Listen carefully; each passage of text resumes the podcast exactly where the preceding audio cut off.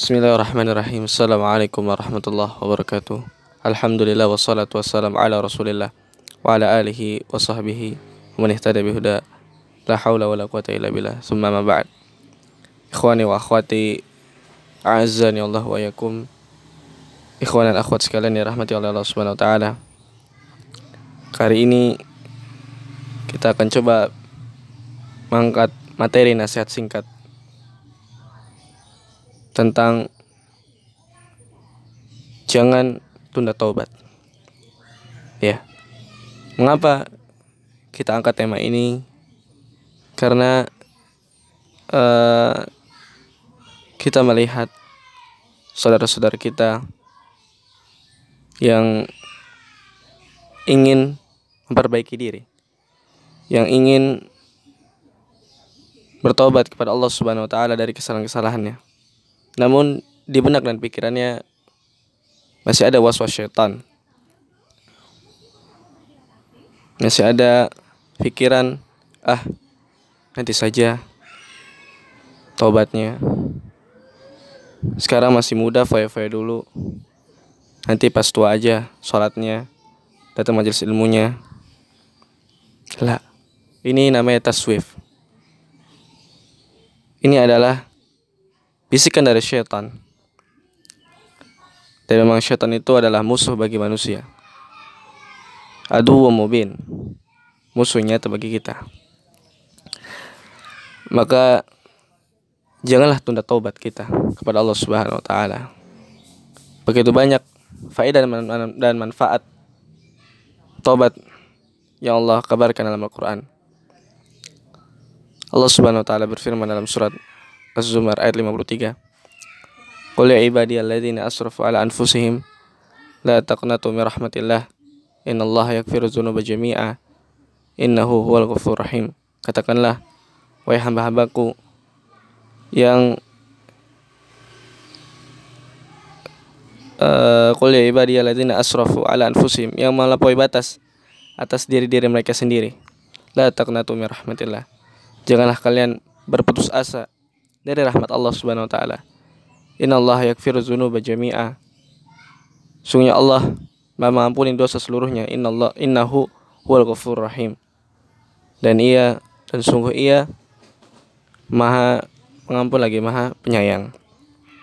Juga dalam surat Asy-Syura ayat 25 Allah Subhanahu wa taala berfirman, "Wa huwa alladzi yaqbalu taubata an ibadihi wa ya'fu 'anis sayyi'at wa ya'lamu ma taf'alun."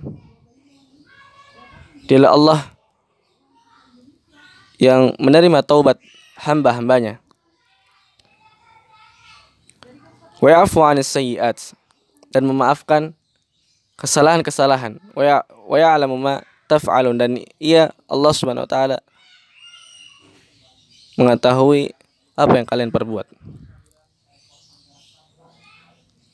Juga dalam sabdanya Nabi SAW bersabda, Al-Islamu yahdimu makana qablah wa taubah tahdimu makana qablah atau kama qala sallallahu alaihi wasallam Islam itu menghancurkan dan membumi, membumi hanguskan atau meniadakan amalan-amalan sebelumnya yang diperbuat sebelum Islam. Begitu juga taubat. Ia menghapus dan membumi hanguskan apa yang ia perbuat sebelum bertobat. Bahkan Nabi SAW juga bersabda, At-taibu minadzan kaman la dzanbalah. Oh SAW. Seorang yang bertaubat kepada Allah Subhanahu wa taala kaman la dzanbalah. Seperti orang yang tidak punya dosa sama sekali. Hajib. Ya, Masya Allah. Ini adalah keutamaan taubat yang Allah kabarkan dalam Al-Quran dan juga Nabi SAW kabarkan dalam hadis-hadisnya. Maka janganlah tunda-tunda taubat kita. Kalau hari ini Allah memberikanmu hidayah, menyapamu lewat hidayah darinya, maka terimalah, sambutlah dengan bahagia. Siap atau tidak siap, terimalah. Dan jangan pedulikan ucapan manusia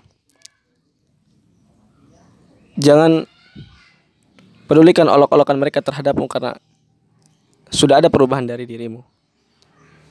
Akan tapi teruslah dalam kebaikan itu sampai ajal menjelang. Sampai ajal menjemput kita. Jangan tunda tobat karena sungguhnya kita tidak tahu berapa lagi waktu yang Allah berikan kepada kita di dunia ini jangan sampai waktu-waktu yang terlewat itu kita lalui begitu saja tanpa ada taubat dan perbaikan. Hadza wallahu alam bisawab. Semoga Allah menjadikan kita hamba-hambanya yang senantiasa bertobat. Wassallallahu ala nabiyina Muhammad wa ala alihi wasallam. Wassalamualaikum warahmatullahi wabarakatuh.